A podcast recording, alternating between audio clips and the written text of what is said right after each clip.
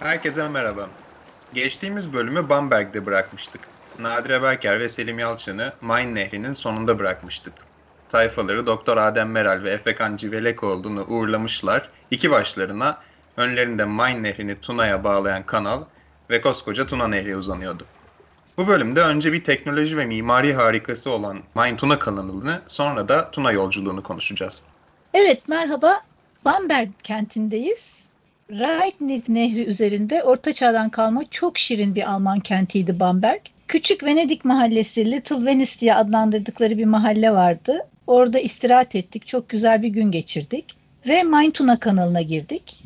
Main Tuna kanalı Ren Nehri'ni Main üzerinden Tuna'ya bağlamak için yapılmış. Nadireciğim, Nürnberg şehrinde meşhur Avrupa'nın en güzel, en romantik kentlerinden olan Nürnberg şehrinde başlıyor Main Tuna kanalı ve Roma İmparatorluğu döneminden beri defalarca yapılan kanal projeleri olmuş. İlk kanalı Bavyeralılar açmışlar 18. yüzyılda. Ludwig kanal demişler adına ama çok darmış, yetersiz kalmış kısa sürede ve terk edilmiş. Bu modern kanal bizim geçeceğimiz 170 kilometrelik kanalın inşaatına 60'larda başlanmış, 92'de tamamlanmış. Ve bu sayede Avrupa kıtası Atlantik Okyanusu'ndan Karadeniz'e bağlanıyor. 16 irtifa havuzu var üstünde ve deniz seviyesinden 406 metre yükseğe kadar tırmanıyor. Valla yani dünya turu yapan birçok insan var ama hem yelkenlisiyle bir dağın altından tünelden geçip hem deniz seviyesinden 406 metre yükseğe çıkan pek olmayabilir. Evet biz tekiz zannediyorum bu konuda.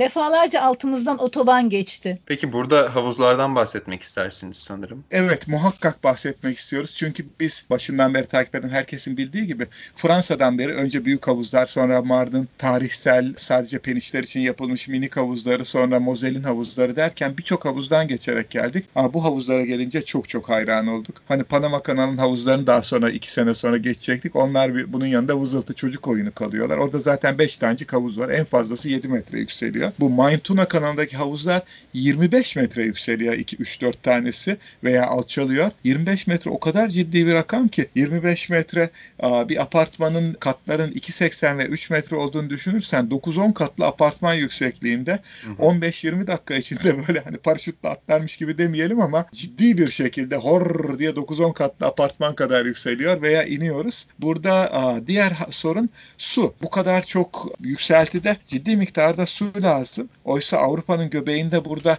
ki nehirler artık büyük değiller. Bu kadar su yok. Tuna'da veya Mozel'de su vardı ama burada o kadar su da yok. Onun için Almanlar 30 sene süren bu havuz inşaatı sırasında belki inşaatın o kadar sürmesinin nedeni de bu. Dev depolar yapmışlar. Her seferinde havuzda kullanılan suyu depoya alıyorlar. Havuza yeni bir tekne girdiği zaman depodan suyu oraya geri basıyorlar. Su akıp gitmiyor nehirlen. Bir de bunu doldurup boşaltırken de çok ciddi bir su kütlesi basmalarını olmalarına rağmen girdap yapmayacak, anafor yapmayacak şekilde dolduracak, boşaltacak bir sistem kurmuşlar. Çok rahat bir havuz sefası oldu doğrusu. Ama, bir de burada baba meselesi var. Çünkü evet. biz havuzlarda annenin vazifesiydi. O baş tarafı yapıyordu. Ben kış tarafı yapıyordum.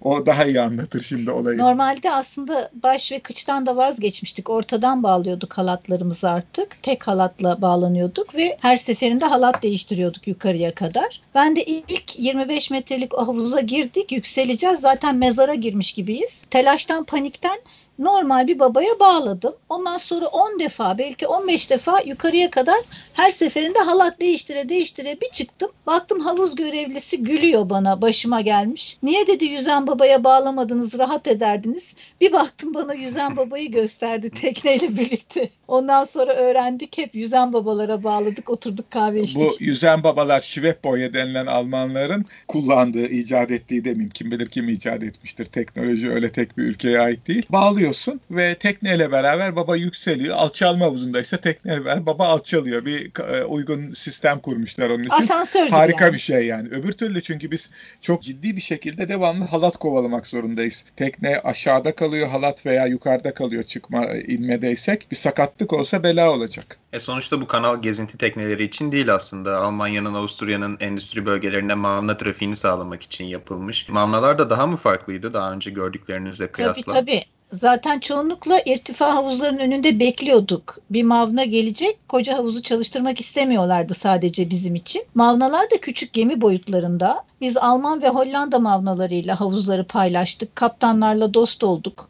Bazen çok nadiren koca havuz bizim için çalıştı. Aslında bu kanal tabii ticari mavnalar için olmakla birlikte ve etrafta çok yoğun sanayi olmasına rağmen kanal üzerinde doğal hayatı korumak için çok güzel şeyler yapmışlar. En ince ayrıntıları düşünmüşler. Kanal kenarına gölcükler açmışlar. Kuşlar, balıklar yavrulayabilsin, büyüyebilsinler diye. Ayrıca Nürnberg'den sonra da Altmühl diye eski bir derenin yatağını izliyor. Ve Almanlar buraya Altmühltal diyorlar. Yani Altmühl Vadisi. Hem bisikletçilerin hem yürüyüşçülerin cenneti burası. Çok şirin, çok bakımlı kasabalar, köyler var. Renkli pastalar gibi süslü evler, bisikletçiler, koşucular etrafımızda. Biz de o kadar yoğun olmamıza rağmen dayanamadık. Bu kadar güzelliğin hatırası içimizde kalsın diyerekten bir gün ayırdık buna, bir yarım gün ayırdık. Bir taraftan bir kano kiraladık. iki kişilik Kızılderili kanosu gibi bir kano. Nehrin en güzel, derenin, Altmül Deresi'nin en güzel parkurlarından bir tanesinde 3-4 saat mi?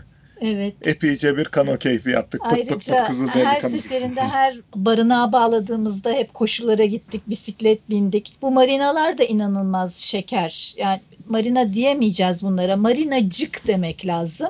E, yüzme havuzundan biraz daha büyük limanlar, minyatür, çok bakımlı teknelerle dolu ama çok küçük tekneler. Fakat her türlü konfor düşünülmüş. Bazen antika bir bina kulüp binası, bazen karada eski bir mavna. Giriyorsun hiç kimse yoksa eğer sen tekneni bağlıyorsun gidip orada bir dolapta anahtarlar var onu alıyorsun. Defter var bir tane oraya adını yazıyorsun ben şu tekneyim geldim param şu kadardı. Zarfa parayı koyup bırakıyorsun. Çamaşırın varsa çamaşır makinesi var. Çamaşırını yıkıyorsun. Kurutma makinesinde kurutuyorsun. Makinenin kurutma fiyatı işte 2 euro, 3 euro. Oraya Onları da oraya bırakıyorsun. İstersen, Deftere teşekkürünü yazıyorsun. Defter var çok güzel. Işte, şehre gitmek istersen bisikletler var orada. Alıyorsun bisikletleri şehre gidip geliyorsun. Alışverişini yapıyorsun. Bedava tuvaleti, duşu, çamaşır makinesi, minik lokantalarıyla böyle büyük abilerinin küçük minyatür kopyaları her şey güvene dayalı yürüyor. Ve de ördekler, kuğular var. Hatta annen orada çok ilginç bir tanımlama yaptı. Romantik bir tanımlama. Yek ördeğin dalga yaptığı sular. Evet.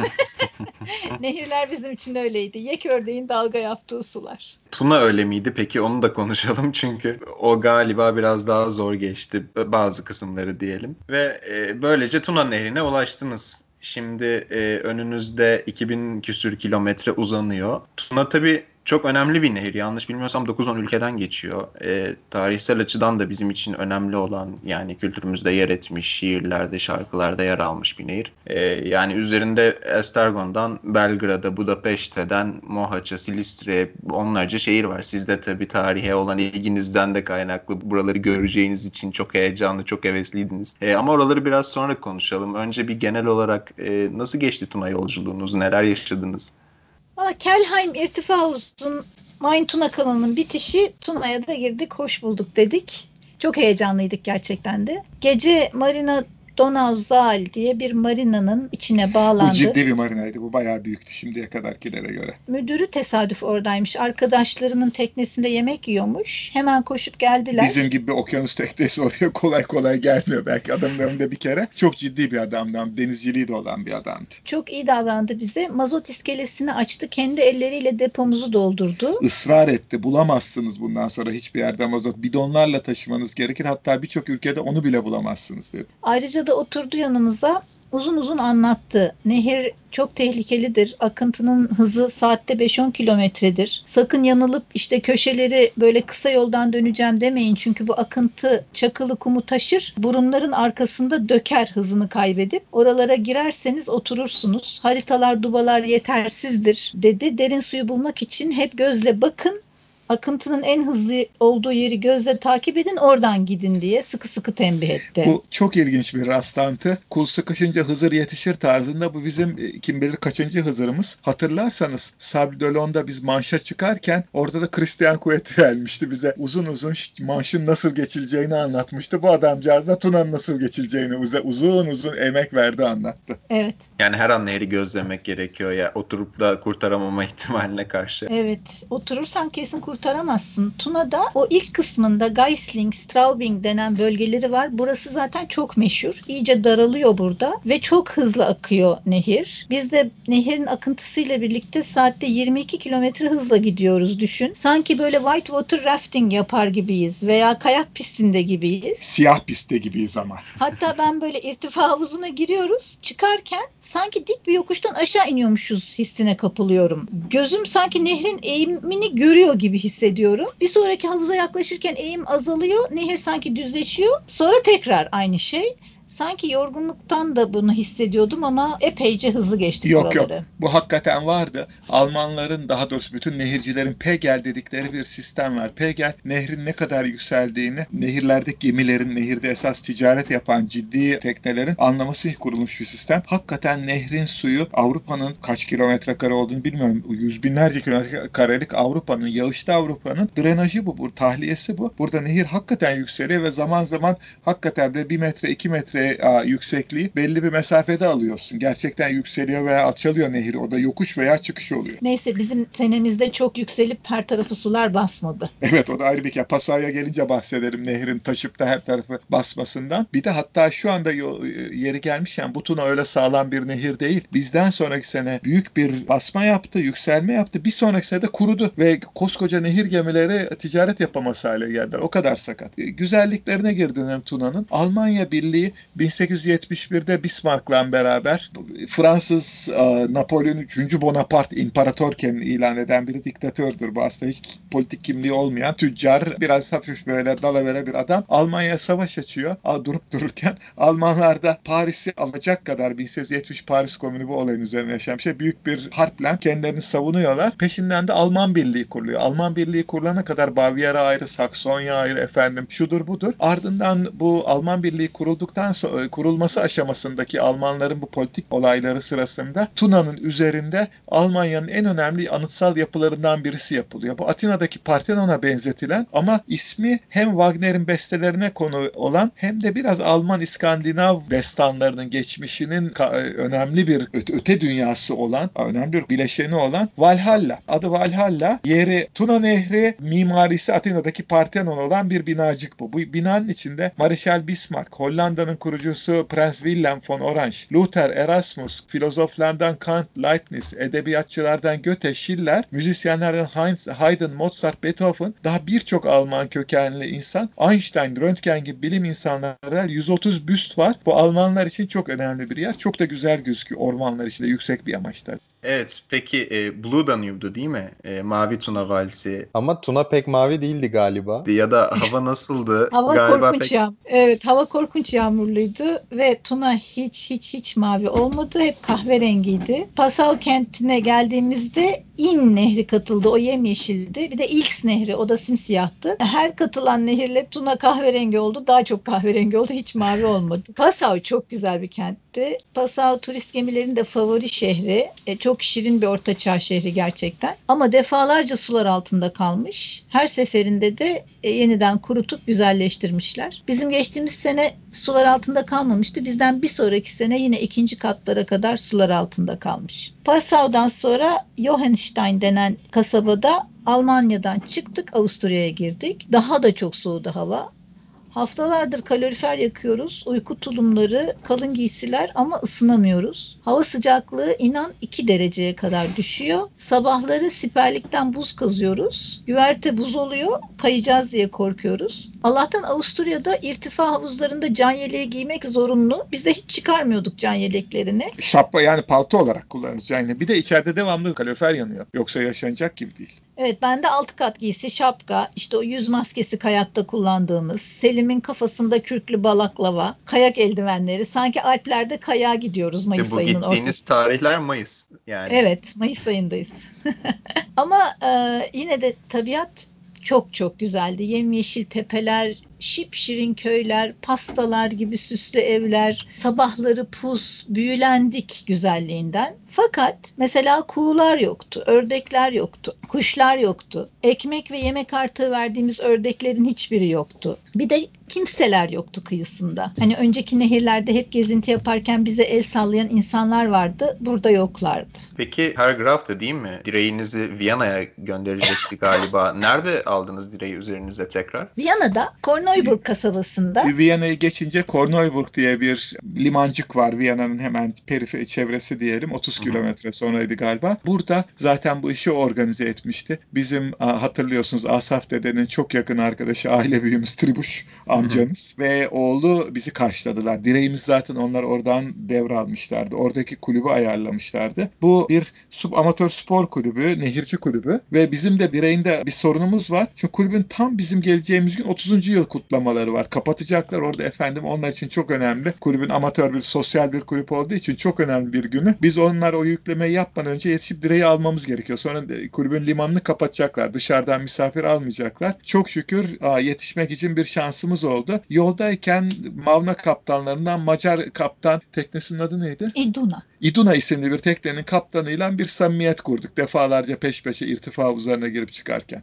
Evet, İduna'nın peşine takıldık. Beraberce gittik. Tabii biz onun hızına yetişemiyoruz ama irtifa havuzlarına beraber giriyoruz. Bu sayede hiç beklemeden ve hiç dubalarla uğraşmadan İduna'nın üstüne bağlanıyoruz. Kaptan Tamaş'la sohbet ediyoruz. Kah gidiyoruz biz onda konyak içiyoruz. Kah o geliyor bizde Türk kahvesi içiyor. Böyle böyle iki gün hızla yol aldık. Bu arada da onun hayatını öğrenme şansımız oldu. Seyir defterini gördük. Onun kaptan köşkünü gördük. Neredeyse bir e, jet uçağının kaptan köşkü gibi. Zor bir şey değil Tuna'da yol almak. Teknik bir şeydir filan gibi alçak gönüllü bir yaklaşımı oldu. Hayran olduk kaptana ve diğer Mavna kaptanlarına. Son olarak da 1949. kilometrede ayrıldık birbirimizden. Biz Korneuburg'a doğru yolumuzu değiştirdik. O da Macaristan'da kargosunu teslim etti. Yetiştiniz direği almaya. Tabii tabii. iki buçuk günde Korneuburg kasabasına vardık. Tribuşlarla Selim uzunca bir fikir alışverişi yaptılar. Nasıl indireceğiz biz bu direği diye. Çünkü yüksek ciddi bir yükseklik farkı var. Kaç 7-8 metre mi yükseklik tabii, farkı tabii. var?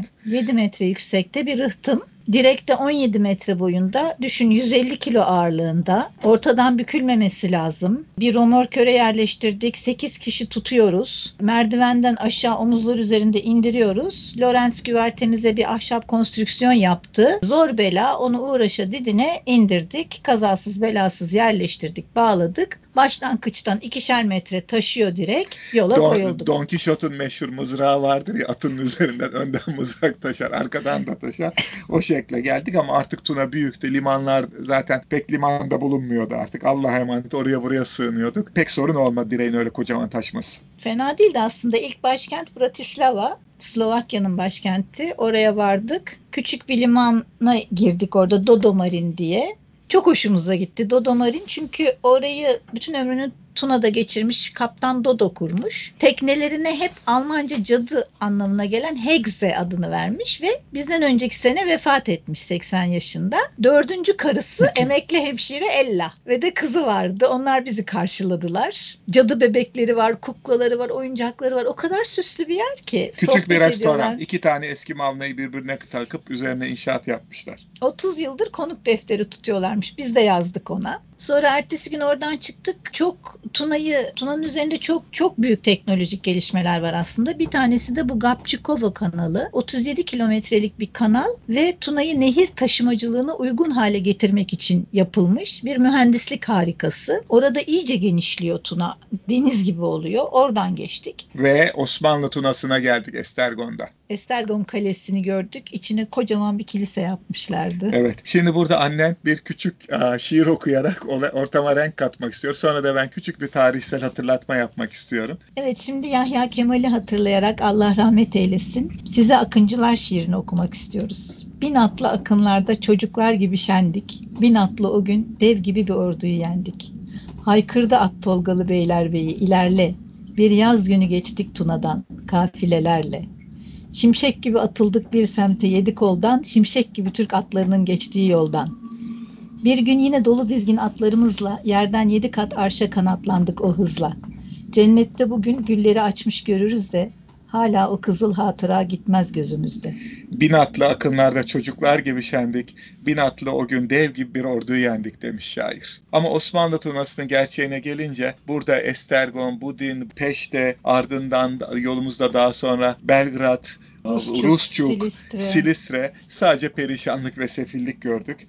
Bizim 93 Harbi dediğimiz 1877'deki 1. Balkan Harbi'nde kaybedildikten sonra Tuna sadece harp, düşmanlık, ayrılık ve fakirlik görmüş. Hele Romanya ve Bulgaristan'da o kadar fakirdi ki Sırbistan'ı, e, Hırvatistan'da sefildi. Hani Macaristan'dan çıktıktan sonra Tuna bir fakirlik ve sefalet bölgesi haline geldi. O meşhur bizim hep Türkiye'de Tuna Tuna diye duyduğumuz, efendim ailelerde soyadlarında olan, çocuklara verilen isim veya sağda solda Tuna Pestanesi, Tuna bilmem nesi hep karşımıza çıkan o bizim dedelerimizden, ecdadımızdan kalan Tuna'nın imajı maalesef Rüya Aa, imajı maalesef. çok üzücü. yıkıldı. Gerçek değilmiş. Hı hı. Evet Budapeşte'ye 18 kilometre uzakta bir Sentendre'de bağladık keyfi. Sonra oradan Budapeşte'ye kadar olan 90 kilometrelik sahile Donaukni diyorlar. Burada Macar zenginlerinin yalıları var. Kürek kulüpleri, kano kulüpleri var yine. Ve Budapeşte'de de kentin üzerinde, kentin içinde bağlanacak yer yoktu. Biz kılavuz kitabımızda önerilen yere gittik. O eski tersanenin bir parçası. Orada bağlandık ama... Nehir gemileri inşa edilir veya bakım yapılırmış sosyalizm döneminde burada. tabii yıkılmış artık hani e, harap bir halde. Ama aynı zamanda Macar gençlerin eğlence mekanı. Tersane binalar, diskotek, gece kulübü falan olmuş. Gece yarısı geliyorlar arabalarla işte müzik çalıyorlar. Güzel süslü genç kızlar, yakışıklı erkekler filan. Çok eğleniyorlardı orada. Biz de o hayattan bir nasibimizi aldık, gördük onları. Budapeşte'de de Deniz katıldı size. Sağ olsun geldi Deniz. 10 gün kaldı. Çok yardım etti. Gerçekten çok yardım dökündü. Hava sefaletti. Biz üşüyorduk. Denizcik sağ olsun nöbete girdi. Dümen tuttu elde şemsiye. Deniz en Ah. kötü yerde katıldı. Hiçbir güneş görmedi galiba garibim. Bir de Macaristan'dan çıkarken Mohaç'ta bir gümrük polisiyle olayınız vardı. Ee, Gümrük polisi durdurmuştu sizi değil mi? Ya sorma sorma. Biz yani bilmiyorduk. Biz Tuna'yı internasyonel su yolu diye biliyorduk. Hatta laf aramızda Tribuşlar bize 200 litre şarap vermişlerdi. Beyaz şarap. Bizim de şampanya bölgesinden Tabii aldığımız şampanya galiba 36 bölgesinden. evet evet. Dolayısıyla teknenin içinde hangi çekmece dolabı açsan alkol dolu ama Su nasıl deposunda şampanya vardı değil mi? Evet evet. bir depomuzu şampanya yaptık sadece. Öbüründe su vardı. Ee, Ama zannetmiyorduk durdurulacağımızı. Bir sabah erken uyandık. Mohaç'a ulaştık. Mohaç'ı geçiyoruz. Arkamıza bir böyle perişan bir motor takıldı. Bizi takip ediyorlar diyorum. Selim kabul etmiyor. Vallahi bizi takip ediyorlar. Sonra bağırdılar, çağırdılar. Bizi geri çevirdiler. Meğer gümrük polisiymiş. Ama Aslında benim orada içimde Osmanlı ruhum ka- kabardı. Ben diyorum 1526 senesinde bizim ecdadımız burada bütün Avrupa'yı ezmiş geçmiş. Mohaç ne demek bir tane bir tane hurda tekne bizi geri çevirecek. Ama neyse alttan aldık. Takip eden teknenin peşine takıldık. Bizi bir iskeleye yanaştırdılar. Şimdi iskele turist gemileri için. Biz orada sinek gibi kaldık. Çıktım ben karaya. Gümrük polisine gittim. Gümrük Hala polisi- Macaristan'dayız. Sırbistan'a geçeceğiz. Sırbistan Avrupa topluluğunda değil. Burada Avrupa topluluğuna çıkarken gümrük formalitesi yapmamız gerekiyormuş. Meğerse. Bunu orada söylediler bize. E, biz de bilmediğimizi söyledik. Sonra şey dedi sizin nehir ehliyeti almanız gerekiyor ya da bir pilot almanız gerekiyordu Macaristan'dan geçmek için. Biz dedik Avrupa'yı geçtik yani Almanya'da Avusturya'da hiç kimse bir şey sormadı. Olsun biz Macaristan'da soruyoruz dedi. E şimdi ne yapacağız? 10 metre sonra Mohaç'tan çıkıp Sırbistan'a giriyoruz. Geçtik çoktan. Vallahi dedi düşünelim. Neyse düşünüp taşındılar. 3 saat sonra karar verdiler. 90 euro karşılığında bizi pilot almış gibi yaparak gitmemize müsaade ettiler. Pazarlıksız. Tamam dedim. Aynen. Gidebilir miyiz dedim. Tabii bunları Almanca konuşuyoruz. Çünkü İngilizceleri yok. Almanca veya Macarca anlaşmak gerekiyor. Yok dedi gidemezsiniz. İnspeksiyona geleceğiz tekneye. O nedir dedim. Tekneyi inceleyeceğiz, bakacağız. Eyvah dedim ben. Selim'e cep telefonundan ulaştım. Dedim ki şarapları sakla. Şaka yapıyorsun herhalde dedi. Tekneyi batırmam lazım yani. Her taraf şarap. Neresini, neyi saklayacağım? Neyse ben gittim teknede bekliyoruz tir tir. Denizcik gecelikleriyle gözlükleriyle çıktı. İşte kadın geldi gümrükçü. İnanılmaz şişman bir kadın ve biz iskelede sinek gibiyiz. Bizim tekneye inmesine o kadar yüksekten yaklaşık bir 7-8 metre yükseğimizde duruyor. İnse zaten bir daha çıkamaz. Belli kalır. İnse inemez zaten çıkamaz. Şimdi Diyorum ki ben Türk kahvesi pişireyim, gelin kek yaptım, yedireyim filan. Kadın bağırıyor. Ben inemem oraya. Söyleyin bana teknede alkol var mı? Hemen cevabı yapıştırdık. Biz doktoruz, biz içki içmeyiz. Hadi bakalım filan. Silah var mı diyor. Bizde yok pek silah yok sadece Kalaşnikov var birkaç tane diyor. Şaka yapıyoruz ya öyle demedik. Bir de üstümüzdeki direği anlamadı. Bu nedir diyor. Bu dedik direk. Nasıl direk? Yelkenliyiz biz dedik. Kadın herhalde hayatında hiç yelkenli görmemişti veya belki hayal edemedi o direğin üstümüze dikilebileceğini. Neyse bizi bıraktılar gittik ama alıştık artık. Bundan sonra her limanda Sırbistan'da çünkü limanlara girmemiz gerekti. Romanya'da da her seferinde polise gitmemiz gerekti. Hepsi de sordular ya tek motorlu musunuz? Nasıl cesaret ediyorsunuz? Kaç litre mazotunuz var? 500 litre mazotla Ay, tek motorla nasıl geçersiniz Tuna'dan diye hep sordular. Macaristan'dan sonra Hırvatistan oldu bir yanımız. Bir yanımız Sırbistan. Biz Sırbistan'a girdik. Hırvatistan'a girmedik. Ama Vukovar'dan geçerken binaları gördük. Kurşun, top mermileri ta 1991'deki savaştan kalmış. Aynen öyle duruyor. 17 yıl önce yaşanmış son savaş ama o binalar hiç değişmemiş. Hani orada 2. Dünya Savaşı filmi çekeceğim desen rahat rahat hiçbir değişiklik yapmadan o kente gidip filmi çevirebilirsin. O kadar büyük sefillik vardı. Sırbistan'da bir gemiye bağlanmak zorunda kaldık bir seferinde. Hayalet gemi gibiydi. Deniz abla çok korktu. Belki kendi anlatır. Sonra her işini acentayla yapman gerekiyor. Çıktım sahile, acentaya gittim. Acenta dedi ki ya polis şimdi yemek yiyor. Gel ben seni bir yere götüreyim.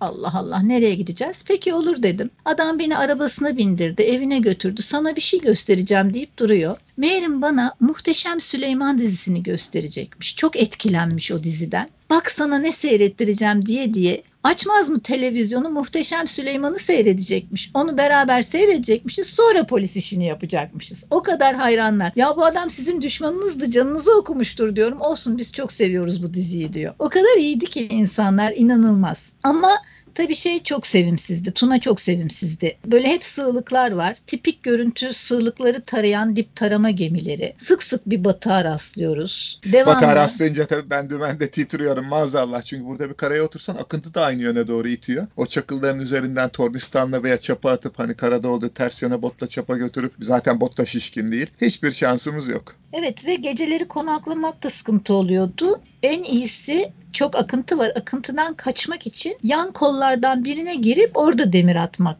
iyi oluyordu. Bir gece Başka Palanka diye bir yer vardı. Mavnalara hurda demir yüklenen bir rıhtım. Onun yanında salaş mı salaş bir lokanta. Onun önünde demir attık. Meğerse Tuna Nehri'nin çok mühim bir balığı varmış. Onu yapıyorlarmış. O balık çorbasından içtik. O balıklardan yedik. Tesadüf oldu tamamen. Tabii bizim Türkiye bu İstanbul Boğazı balıklarına göre kıyaslanacak bir şey değil. Ee, siz Lüfer'e doğru ilerlerken artık bu bölümü kapatalım. Ee, önümüzdeki bölümde, son bölümde Tuna üzerinden devam edip Köstence'ye varacağız.